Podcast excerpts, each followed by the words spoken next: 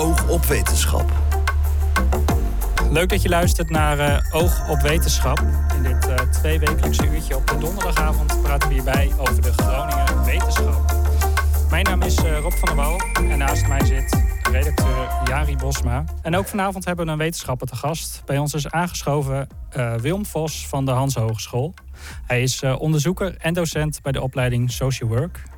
En hij deed onderzoek naar de vraag hoe kun je eenzaamheid onder studenten bespreekbaar maken en zelfs verminderen. We behandelen natuurlijk ook het wetenschapsnieuws uit Groningen. Maar we gaan ook luisteren naar een nieuwe rubriek, het Natuurmuseum in het huis van Klaas Nanninga. Elke week neemt hij in zijn column één bijzonder voorwerp uit het museum mee. En vanavond zijn dat de donderstenen. En dat is niet wat het lijkt. Dat hoor je zo tegen het einde van de uitzending. Um, maar eerst gaan we het hebben over eenzaamheid. Want uh, dat kan behoorlijk vervelend worden. Zo vertelt student Marjan Hof in de documentaire Die Hanze Mag, het magazine van de Hanse Hogeschool, toen in één keer maakte. Mijn studie, uh, wat een heel groot deel van mijn tijd in beslag nam. En ik weet nog dat ik, dat ik toen dacht van, huh, ik hoef nergens heen.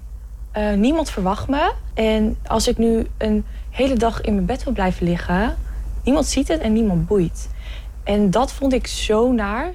Ja, uh, veel mensen denken dat eenzame mensen gewoon meer nieuwe contacten nodig hebben. Maar dat hoeft helemaal geen goede oplossing te zijn, vertelt uh, hoogleraar sociale weerbaarheid Anja Magielsen. Bij eenzaamheid denken we vaak aan het ontbreken van sociale contacten en dat we mensen daarmee willen helpen door allerlei ontmoetingen te organiseren. Maar het zou goed zijn om ons te realiseren dat heel veel mensen ook behoefte hebben juist aan een één op één gesprek met iemand waarin ze ja, wat dieper in kunnen gaan op allerlei zaken in hun leven en uh, kunnen praten over de dingen die hen bezighouden zonder dat ze meteen daar met allerlei mensen over in gesprek hoeven gaan. Ook Willem Vos ging het gesprek aan met studenten. Hij ontwikkelde een lesmethode om eenzaamheid onder studenten bespreekbaar te maken. Dat was een van de grotere onderdelen van een uh, project, het EAST-project, oftewel eenzaamheidsaanpak studenten. Uh, dat onderzoek dat deed je niet alleen, maar in een uh, werkgroep met onder andere je collega aan de Hans Hogeschool, Jiska Kuiper. Maar zij kon helaas hier niet bij zijn, begreep ik. Ze staat op het punt van bevallen. Ja, dat, uh, dat wordt uh, erg ingewikkeld, uh, inderdaad. ja, succes. Um, we hoorden net student Marjan Hof in de Hansemag documentaire. En zij stopte met de studie en voelde zich toen een beetje nutteloos en onbelangrijk voor anderen. Is haar verhaal nou typisch een voorbeeld van eenzaamheid? In essentie denk ik dat, dat er niet per se een standaard verhaal is van eenzaamheid. Dus dat kan, kan per persoon, per per student dus ook heel erg verschillen. En uh, je hebt ook zwaardere vormen. Zeker, we maken ja. wel onderscheid tussen langdurige eenzaamheid en, uh, en, en kortdurende. Dat kantelpunt ligt meestal rond een jaar. En daarnaast heb je natuurlijk ook verschillende vormen van eenzaamheid. Dus dat kan ook weer bij verschillende mensen anders uitpakken. Je kunt sociale eenzaamheid hebben, te weinig mensen in je, in je netwerk. Maar je kunt ook uh, emotionele eenzaamheid hebben. En dan heb je eigenlijk te weinig diepgang of kwaliteit in je relaties. Hey, en hoe vaak komt eenzaamheid eigenlijk voor onder studenten? Want ik zie echt getallen die alle kanten op gaan. Van 40 tot 80 tot ja, klopt. De laatste rapporten van het RIVM en van Trimbos... die wijzen wel op uh, zorgelijke aantallen. Waarbij je ook kunt afvragen, en dat moet je ook doen als je de rapporten leest... hoe, goed het, gemeten, of hoe het gemeten is. En dan kunnen met vragenlijsten bepaalde antwoorden... al heel snel uitslaan naar een bepaalde, bepaalde mate van eenzaamheid... En als je dat ook nog eens een keer gaat samenvoegen, dan kom je inderdaad soms dan op uh, eh, 80% in een rapport uit. En dan moet je gaan afvragen, wacht even, uh, de uitzondering is nu eigenlijk iedereen die niet eenzaam is. Dus uh, we moeten dat wel nuanceren en dan moet je wel naar kijken. Maar het is wel zo dat het uh, gemiddeld genomen, um, ook voor corona al wel zo toch wel rond 20% onder studenten kon zijn waarbij het speelde in belangrijke mate. En door corona is er nog wel een schepje bovenop gegaan. Maar um, dat is wel een hooguit een versterking van iets wat altijd al wel ook onder jongeren leefde qua problematiek eenzaamheid. En wat noem jij dan eenzaam? Is daar een standaard definitie voor? Uh, eenzaam is eigenlijk een subjectief gemis van uh, het aantal of uh, de kwaliteit in je contacten. En dan hou ik het heel kort nu, maar dat is een beetje de, de gangbare definitie wereldwijd. Ja, en ja, ik, ik, ik, ken zelf eenzaamheid onder ouderen. Campagnes, campagnes die daarop gericht zijn. Maar ik ken eigenlijk niet zoveel eenzaamheidscampagnes voor studenten. Weet je, weet je hoe dat kan? Nou, dat is de reden dat we onder andere met het onderzoek zijn begonnen in 2019 omdat het eigenlijk een. Uh, nou ja, het zijn twee onderwerpen die inderdaad niet logisch aan elkaar verbindt. Je denkt toch sneller inderdaad aan andere doelgroepen en dan stereotyp heel snel misschien aan ouderen.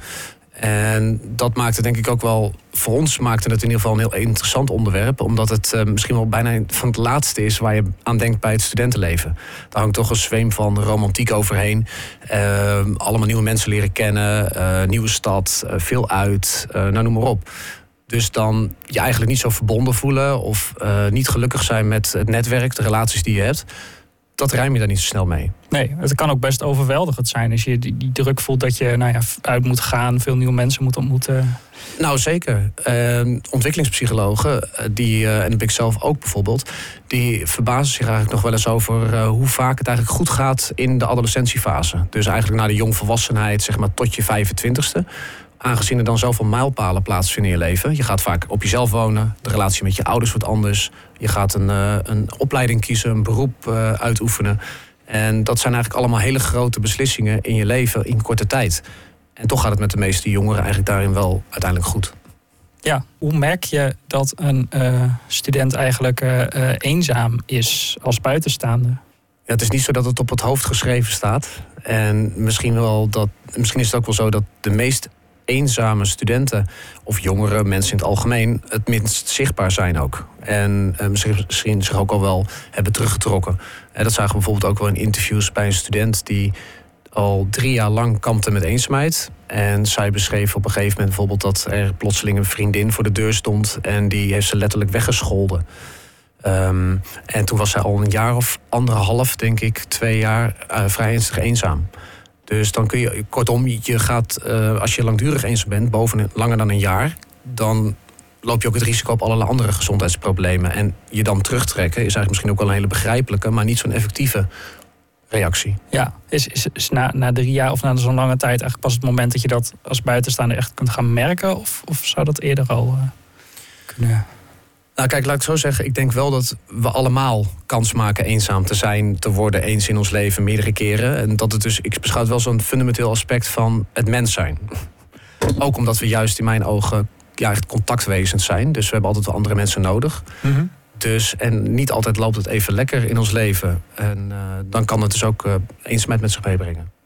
Ja, um, onze gast in de vorige uitzending, hoogleraar uh, radiotherapie Rob Koppers, die uh, had ook een vraag voor jou. Hij mocht een vraag uh, verzinnen voor de gast van deze uitzending. En hij vroeg zich eigenlijk af: is het soort eenzaamheid dat studenten ervaren door, door COVID eigenlijk nog veranderd? De soort eenzaamheid? Ja. ja. Um, nou, in eerste instantie is het zo dat, dat sociale eenzaamheid daarmee wel sneller, wel meer toenam want we, maar eigenlijk werden we allemaal in een soort van sociale eenzaamheid eh, gegooid. Omdat we eigenlijk heel beperkt werden. We konden niet meer uh, naar het restaurant, naar uh, de kroeg, naar school. Of nog maar heel beperkt, ook bij ons. Ja, e-, even voor de helderheid hoor. Wat was het verschil tussen want je had sociale eenzaamheid en... Ja, en emotionele. Je hebt nog heel veel meer soorten, maar dat zijn eigenlijk vaak de twee soorten die het meest onderscheiden worden. En ook het meest voorkomend zijn. Sociaal en emotioneel. En sociaal gaat gewoon puur over, hey, ik zal meer mensen in mijn netwerk willen hebben. Wel vaker bijvoorbeeld eens een keer naar de bioscoop willen of eens een keer gewoon een gezellig avondje willen hebben. En emotionele eenzaamheid, ja, dat gaat eigenlijk vooral over de diepgang en de kwaliteit dus die ontbreekt. Of die, uh, waar je meer van zou willen hebben in je relaties. Dus dan kun je best uh, eh, 100 vrienden op Facebook hebben en, uh, en allemaal vrienden die je ook regelmatig ziet. Maar dan met niemand echt je helemaal jezelf kunnen zijn. Mm -hmm. En echt kunnen vertellen wat je denkt en voelt. En kan het een ook leiden tot het, tot het ander? Of is, is daar een link tussen? Um, we zouden wel kunnen zeggen dat, uh, dat vaak één vorm misschien wat meer op de voorgrond staat. En je kunt ook wel. Um, je kunt ook wel vaak. Nee, dat, is, dat kun je niet zo zeggen. Nee, ik zit hard op te denken, maar mhm. dat, dat moet ik niet doen. Oké, oké. Um, je noemde al dat na drie jaar, uh, of dat mensen echt jaren op zichzelf zitten en, en, en um, vrienden die langs willen komen wegsturen. Waar kan eenzaamheid onder studenten eigenlijk allemaal tot leiden? Nou, dat weten we eigenlijk alleen maar uit uh, wetenschappelijke studies naar, naar allerlei doelgroepen. Dus in het algemeen weten we eigenlijk dat eenzaamheid kan leiden tot een, in ieder geval een verhoogd risico met zich meebrengt op uh, allerlei mentale en lichamelijke ziekten. Denk aan een verhoogd risico op diabetes, een verhoogde bloeddruk en mentale problemen als bijvoorbeeld angst en, uh, en stemmingstoornissen. Mhm.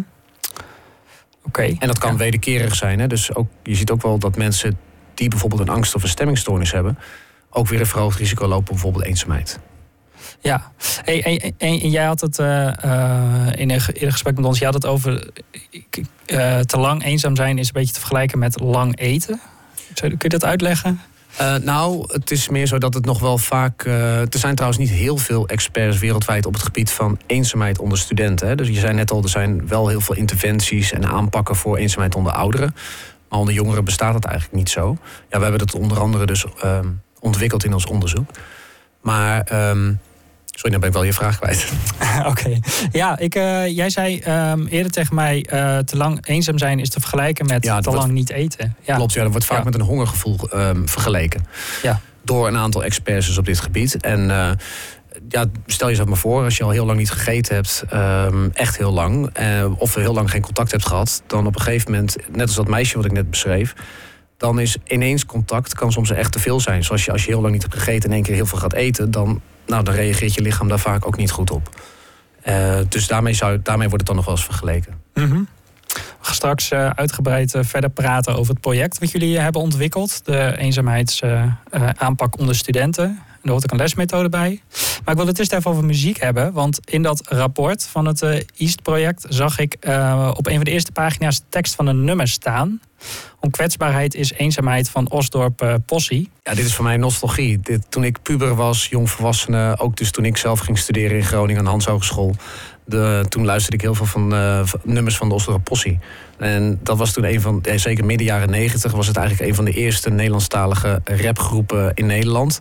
En ja, op de een of andere manier vertaalde die muziek heel erg emoties die ik had of gedachten. En dus dat, dat was een heel erg eh, ja, een rots in de branding voor mij. Want wat, wat voor emoties horen we hier eh, volgens jou? ook wel ster- onnodig sterk willen zijn. Eh, sterker dan, dan je misschien feitelijk bent. Of een beeld dus hè, van je groot houden. Hè, onkwetsbaarheid is eenzaamheid. Niemand doet mij wat.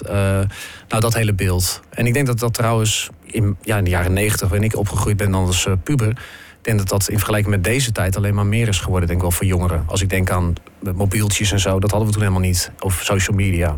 Mhm. En wat, wat is dan de link met jouw, eh, eh, met jouw on- onderzoek? Want ehm, ja, het klinkt logisch, onkwetsbaarheid. Of die titel is Onkwetsbaarheid is eenzaamheid. Maar dat denk ik niet direct aan als ik aan dat eenzaamheidsproject eh, denk. Onkwetsbaarheid. Nee, nou eigenlijk is de boodschap in het nummer is eigenlijk eh, stel je open. En, ehm, en maak, hou jezelf niet groter of sterker omdat je denkt dat dat nodig is of zo. Eigenlijk is het gewoon een, een boodschap om, om jezelf te zijn. Ook als het even minder gaat. En dat vind ik het hele mooie hieraan. Want dat is ook iets wat heel erg in ons, eh, in ons onderzoek centraal stond. In het contact met eenzame studenten.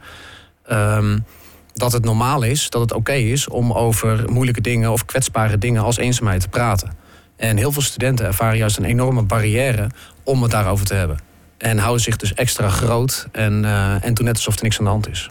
Ah, oké. Nu begrijp ik de, de tekst wat beter. Ehm, straks praten we weer verder met je over het eh, East-project. Lesmethode om eenzaamheid onder studenten bespreekbaar te maken. Maar eh, we gaan het eerst even hebben over eh, onze vaste nieuwsrubriek, namelijk het wetenschapsnieuws. Want eh, onze redacteur Jari die is op zoek gegaan naar het bijzondere nieuws uit de Groningse wetenschap. Wetenschapsnieuws. Ja, Jari, wat eh, viel jou allemaal op? Ja, goedenavond dames en heren. Het waren een paar rustige weken de afgelopen twee weken, maar ik heb toch een paar leuke puntjes gevonden. Zo eh, besteden de verschillende media onlangs aandacht aan het promotieonderzoek van Karel Peter van Erpicum van het UMCG. Tijdens dit onderzoek merkte, eh, merkte hij dat mensen die in de buurt van een fastfoodrestaurant of een snackbar wonen zwaarder zijn. En hij zag dit tijdens het analyseren van data van ruim 140.000 volwassen deelnemers van het Lifelines-onderzoek. Hierbij bekeek hij de relatie tussen de aanwezigheid van fastfoodrestaurants in de woonwijk en de Body Mass Index, het welbekende BMI. Het eh, Van Erwicum is nog wel volop bezig met zijn promotieonderzoek, maar dit is een kwestie waar hij graag meer aandacht aan besteedt. Nou, dan een opsteker voor de Groningers, want van alle Nederlanders vinden zij dat humor het belangrijkste onderdeel van het leven is. Dat blijkt uit de eerste resultaten van het humoronderzoek van de Universiteit Utrecht in samenwerking met televisieprogramma Het Klokhuis. Uh, dat kan natuurlijk ook niet anders, want als je als stad en provincie komen ze iconen als Bert Visser, Arjan Lubach en de onlangs overleden Arno van der Heijden over, voortbrengt, dan moet humor je wel door de aderen stromen. Dat uh, konden de onderzoekers zien, want 70% van alle deelnemers uit Groningen gaf de stelling: Humor is belangrijk in mijn leven, de maximale score. Het onderzoek Laat me niet lachen uh, loopt nog steeds en belangstellenden kunnen nog meedoen tot juni 2023. Voor meer informatie kunnen zij terecht op de website van Universiteit Utrecht via uu.nl. Wat ik me dan toch afvraag, is zo'n onderzoek ook grappig om in te vullen? ik denk dat het wel heel grappig is om de antwoorden te bekijken. Dat zou uh, goed kunnen. Oké. Nou. Daisy Veenstra heeft de landelijke titel Vrouw in de Media helaas niet in de wacht kunnen slepen. De rappende psycholoog uit stad won vorige maand nog de Groningse Vrouw in de Media Award van 2022. Dit omdat zij op TikTok duizenden jongeren bereikt met haar bijdrage over eenzaamheid, depressies en onzekerheid. Ook heel toepasselijk voor deze uitzending. Uh, de landelijke titel Vrouw in de Media ging naar journalist en oud-verpleegkundige Mirjam Keizer. Uh, met haar boek Ik ben geen man en stichting Voices for Women uh, kaarten de verschillen tussen mannen en vrouwen in de zorg aan. En uh, gisteren werd bekendgemaakt dat de Rijksuniversiteit Groningen weer een hoogleraar Fries aanstelt. Vanaf 15 februari zal Arjen Versloot twee dagen per week aan de slag gaan als interim professor Friesistiek. Daarmee volgt hij Goffe Jensma op, die eind vorig jaar met pensioen ging. Uh, Versloot is nog ook nog werkzaam op de Universiteit van Utrecht, uh, waar hij werkt als hoogleraar Germaanse talen. Hier focust hij vooral op de Duitse, Scandinavische en, hoe kan het ook anders, de Friese talen. Het lijkt er dus op dat de Friese taal nog lang vertegenwoordigd zal worden binnen de universiteit. Velen van, uh, vele van u zullen hier heel blij mee zijn. Al denk ik dat deze Veenstra's TikTok-collega TikTok Tammo er minder blij mee is. In zijn video's laat hij namelijk graag merken dat hij geen hoge dunk heeft van de Friese. Gelukkig doet hij dat wel met een hele grote Groningse, Groningse knipoog. Gelukkig maar. Hey, uh, bedankt uh, Jari. Ja, en uh, in de studio zit nog steeds eenzaamheidsonderzoeker Wilm Vos van de Hans Hogeschool. Hij doet onderzoek naar uh, eenzaamheid onder studenten. En uh, we hebben al besproken dat eenzaamheid ontzettend vaak voorkomt en waar dat dan weer toe kan leiden.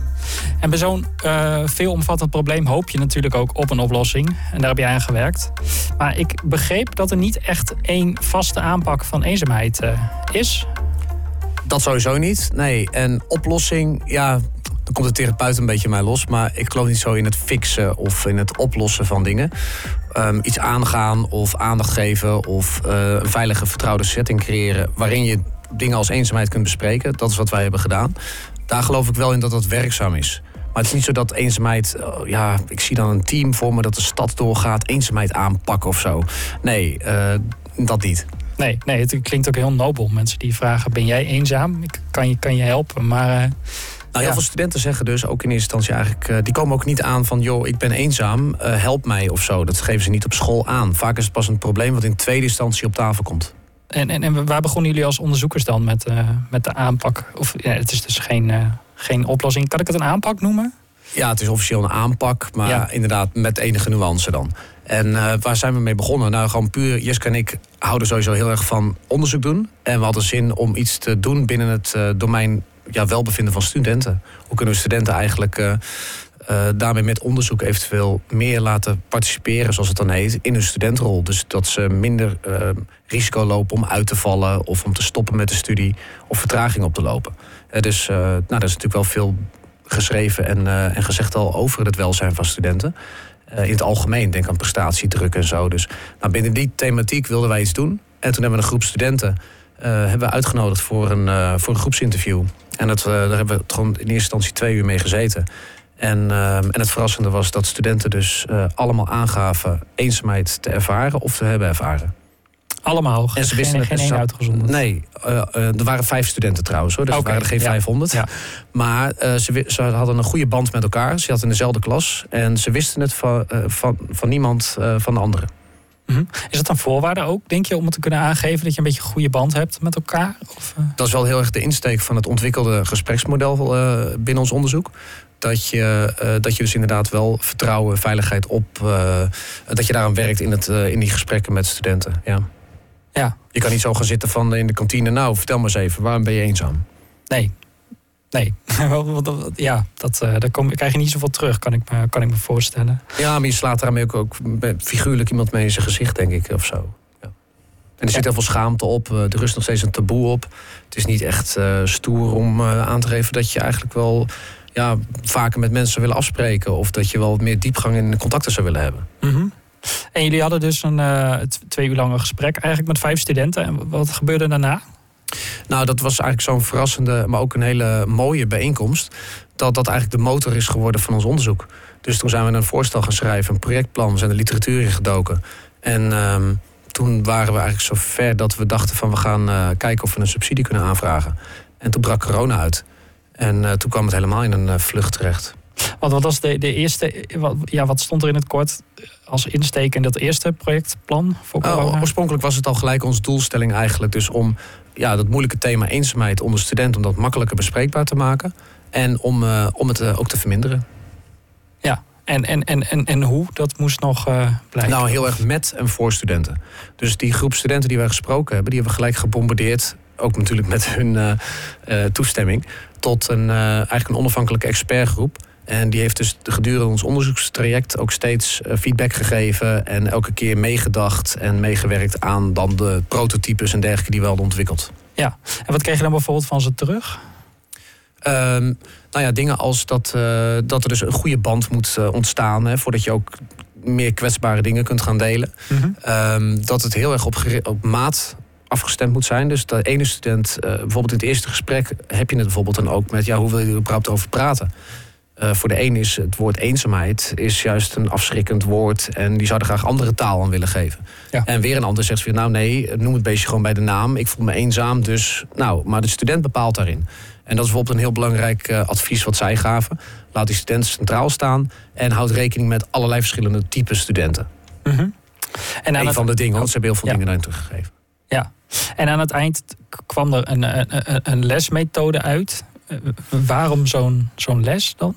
Uh, nou, in essentie kwam er een gespreksmodel uit. Waar een uh, getrainde professional binnen, ons, uh, binnen onze Hans Hogeschool. Maar we zijn ook be bezig met het verspreiden naar andere onderwijsniveaus. Jeugdhulpverlening.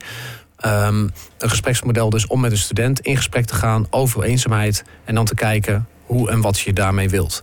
Dat is echt de, de belangrijkste opbrengst van het onderzoek. En in preventieve zin hebben we ook een les ontwikkeld. En okay. dat was eigenlijk dus omdat er zo'n taboe op rust. Het eigenlijk, we hebben nog jaarlijks nog steeds een depressiegala nodig. Dus er heerst gewoon nog steeds wat landelijk gewoon een taboe op mentale problemen. Depressiegala, dat, dat, dat ken ik niet. Maar... Nou, zoek het maar eens op. Uh, dat wordt regelmatig gehouden. Ik weet trouwens niet van de laatste jaren, maar dat werd elk jaar gehouden. Uh, in coronatijd is dat volgens mij dus ook even spaak, of, uh, stopgezet. Maar dat was een gala jaarlijks om mm -hmm. ook uh, het eigenlijk uh, steeds meer te normaliseren. Dat we gewoon kunnen aangeven, jongens, uh, ik heb een periode dat ik me gewoon rot voel of depressief. En dat dat niet direct iets is om dan daar helemaal van te schrikken. Maar dat we dat allemaal wel eens meemaken, als het ware. En ik zeg wel eens van, ja, zolang dat soort gala's niet meer nodig zijn... Mm -hmm. dan vinden we het dus ook blijkbaar normaal om ook de ellende die we allemaal als mens meemaken... om dat ook eens gewoon te delen. Ja. Het lijkt heel vaak, zeker ook onder jongeren, lijkt het alleen maar een, een ultiem gelukkig leven...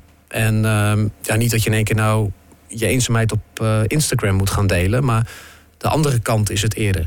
Van uh, zie mij eens een geweldig leven hebben. En ik denk dat studenten daarmee ook uh, elkaar soms een wat onrealistisch beeld voorschotelen.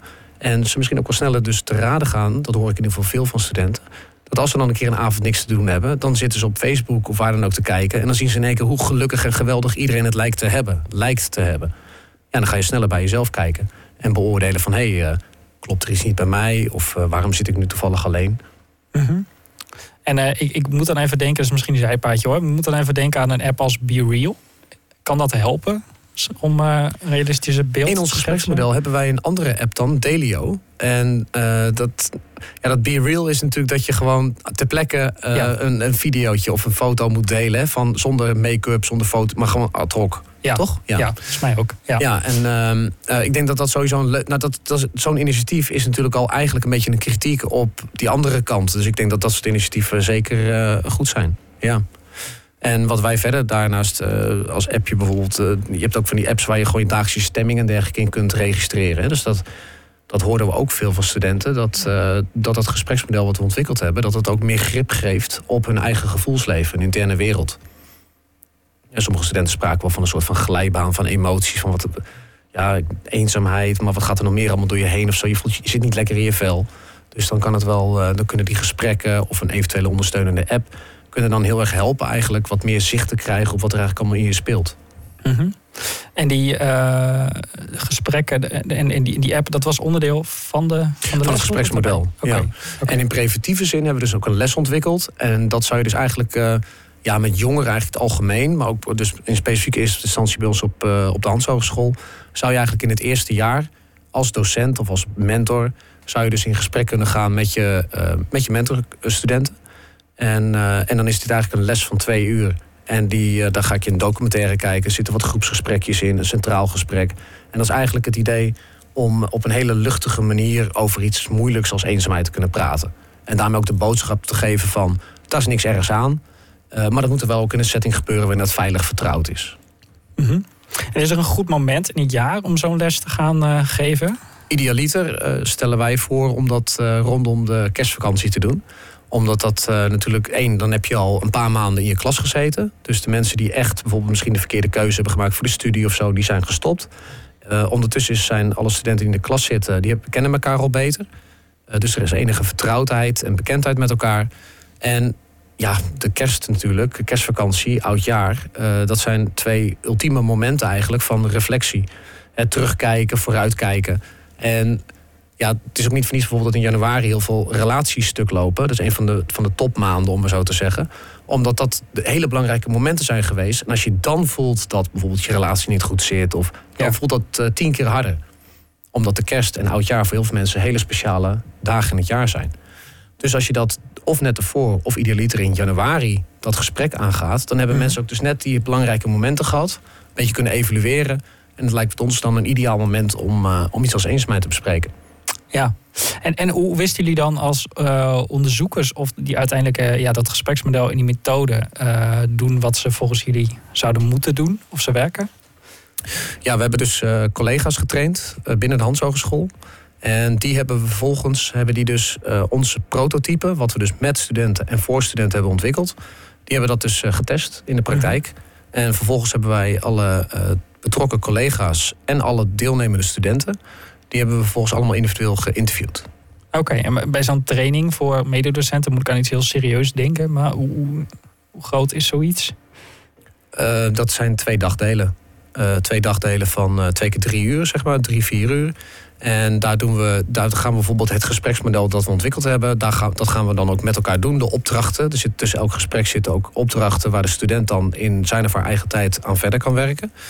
Uh, dat soort dingen bespreken we. Maar we hebben het ook heel erg over de filosofie van uh, hoe ga je dan in gesprek over iets als eenzaamheid. Um, bijvoorbeeld een belangrijk punt vinden wij is dat je ook best iets van jezelf mag laten zien als docent of professional in zo'n gesprek. Daarmee breek je ook een beetje het ijs. Je hoeft niet je eigen eventuele eenzaamheid uit het verleden of, of wat je nu op dit moment ervaart natuurlijk centraal te stellen. Maar het kan wel een, uh, een eerste handreiking zijn of een uitnodiging om nou ja, ook daarin zelf iets te delen. En als, als het dan niet je eigen, eigen eenzaamheid is, eh, ja, aan wat, wat voor handreiking moet je dan wel denken? Nou ja, ik denk dat we allemaal, laat ik zo zeggen, uh, zeker natuurlijk ook de collega's die we getraind hebben, dat zijn allemaal natuurlijk volwassen mensen.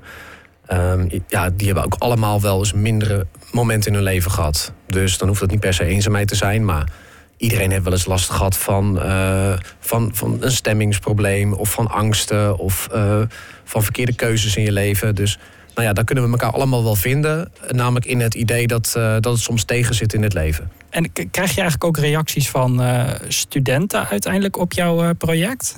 Ja, we hebben dus interviews afgenomen bij alle studenten die hebben deelgenomen. En daarbuitenom hebben we trouwens ook veel studenten gewoon gesproken.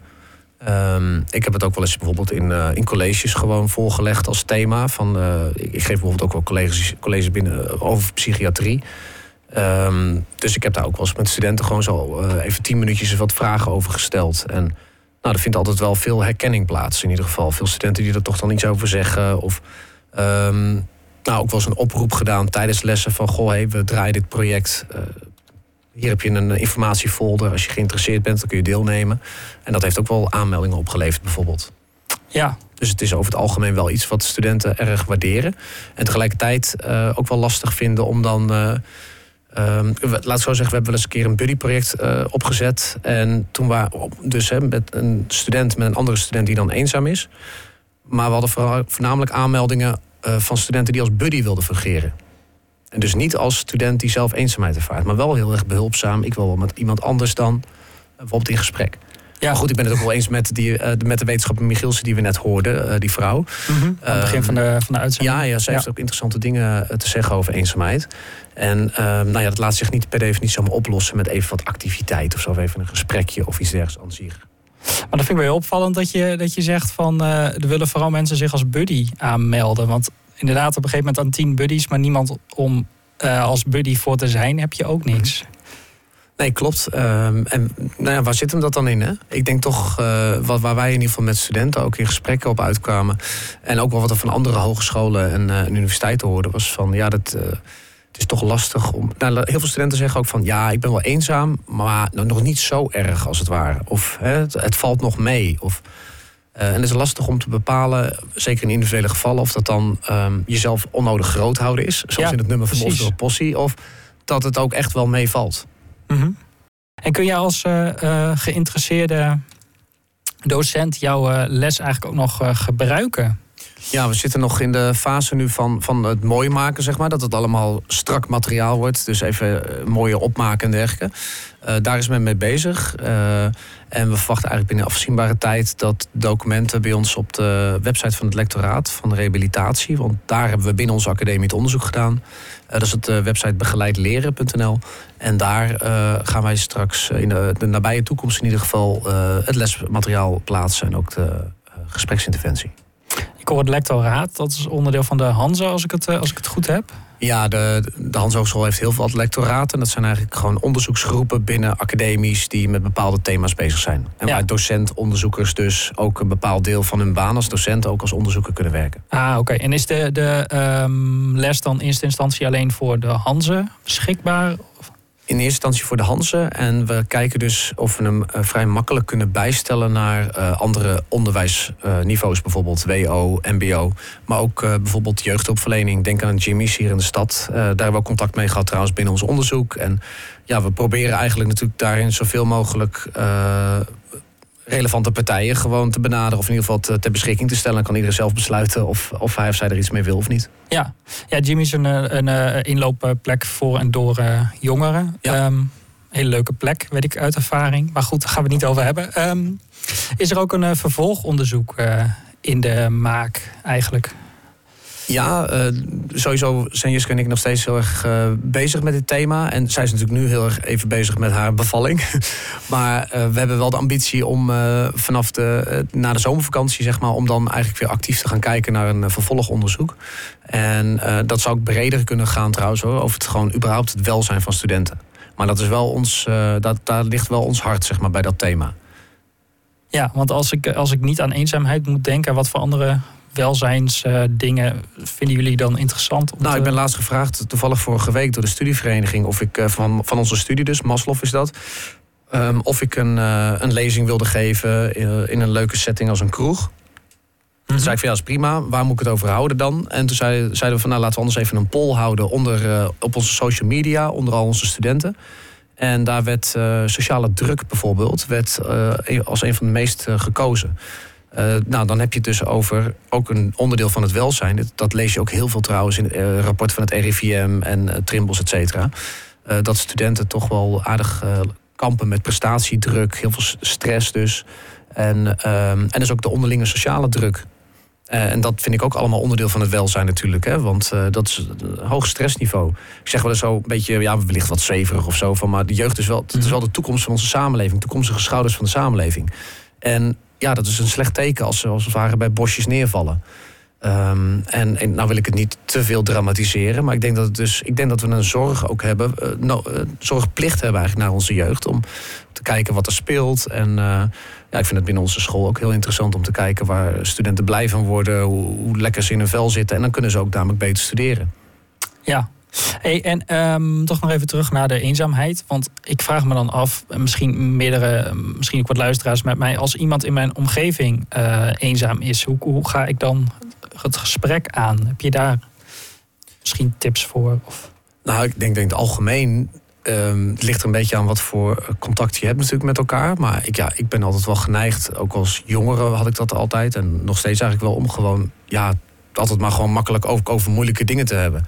Eh, dus ja, ik deel dan zelf ook wel eens gewoon van eh, hoe je erbij zit. Of je bent niet elke dag voel je je 100% gelukkig en fijn en zo. Dus als je een contact hebt waarin je ook eh, de mindere momenten met elkaar kunt delen. Dan gaat het gesprek ook heel snel, denk ik, over. Goh, hey, dan zou ik bijvoorbeeld ook zeggen: van, Goh, hey, fijn eigenlijk dat je er bent. als jij een vriend van mij zou zijn. En gezellig eigenlijk. Ik, ik zeg het ook wel eens tegen vrienden: van, hey, weet je, fijn dat, je, dat we even bellen of laten we snel afspreken. Ik heb je te lang niet gezien. Mhm. Ik mis je gewoon.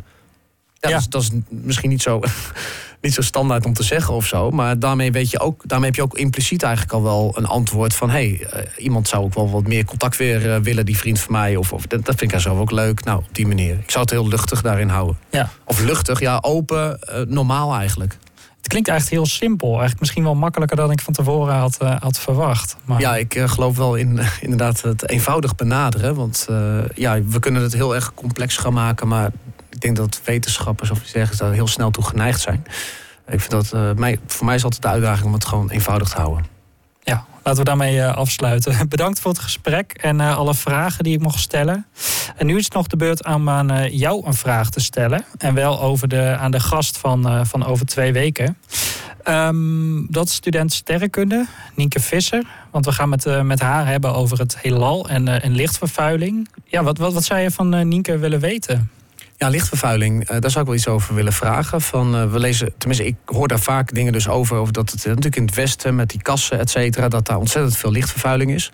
Maar ik vroeg me natuurlijk wel even af hoe dat volgens haar zit in de provincie Groningen. En, en dan buiten de stad dus. Want ik bedoel, ja, onze stad creëert natuurlijk sowieso veel lichtvervuiling, lijkt mij. Ja. Maar welke ontwikkelingen zijn er eigenlijk gaande in de provincie? Zijn dat zorgelijke trends, zeg maar? Neemt dat toe? En, en wat gebeurt er zo al op dat gebied? Inderdaad, we gaan het, eh, we gaan het haar vragen. Ehm, eenzaamheidsonderzoeker Wilm Vos van de Hanze, heel erg eh, bedankt voor je komst. Ehm, en van de sterren gaan we naar de allereerste aflevering van onze nieuwe rubriek. Welkom in het Natuurmuseum van Klaas Nanninga. Juist, het eh, Natuurmuseum van Klaas Nanninga. Want eh, in een woonhuis aan de Groningse Korreweg runt Klaas Nanninga zijn eigen natuurmuseum. Een eh, complete verdieping, maar ook zijn werkkamer en zelfs de woonkamer... die staan vol met bijzondere voorwerpen uit zijn collectie.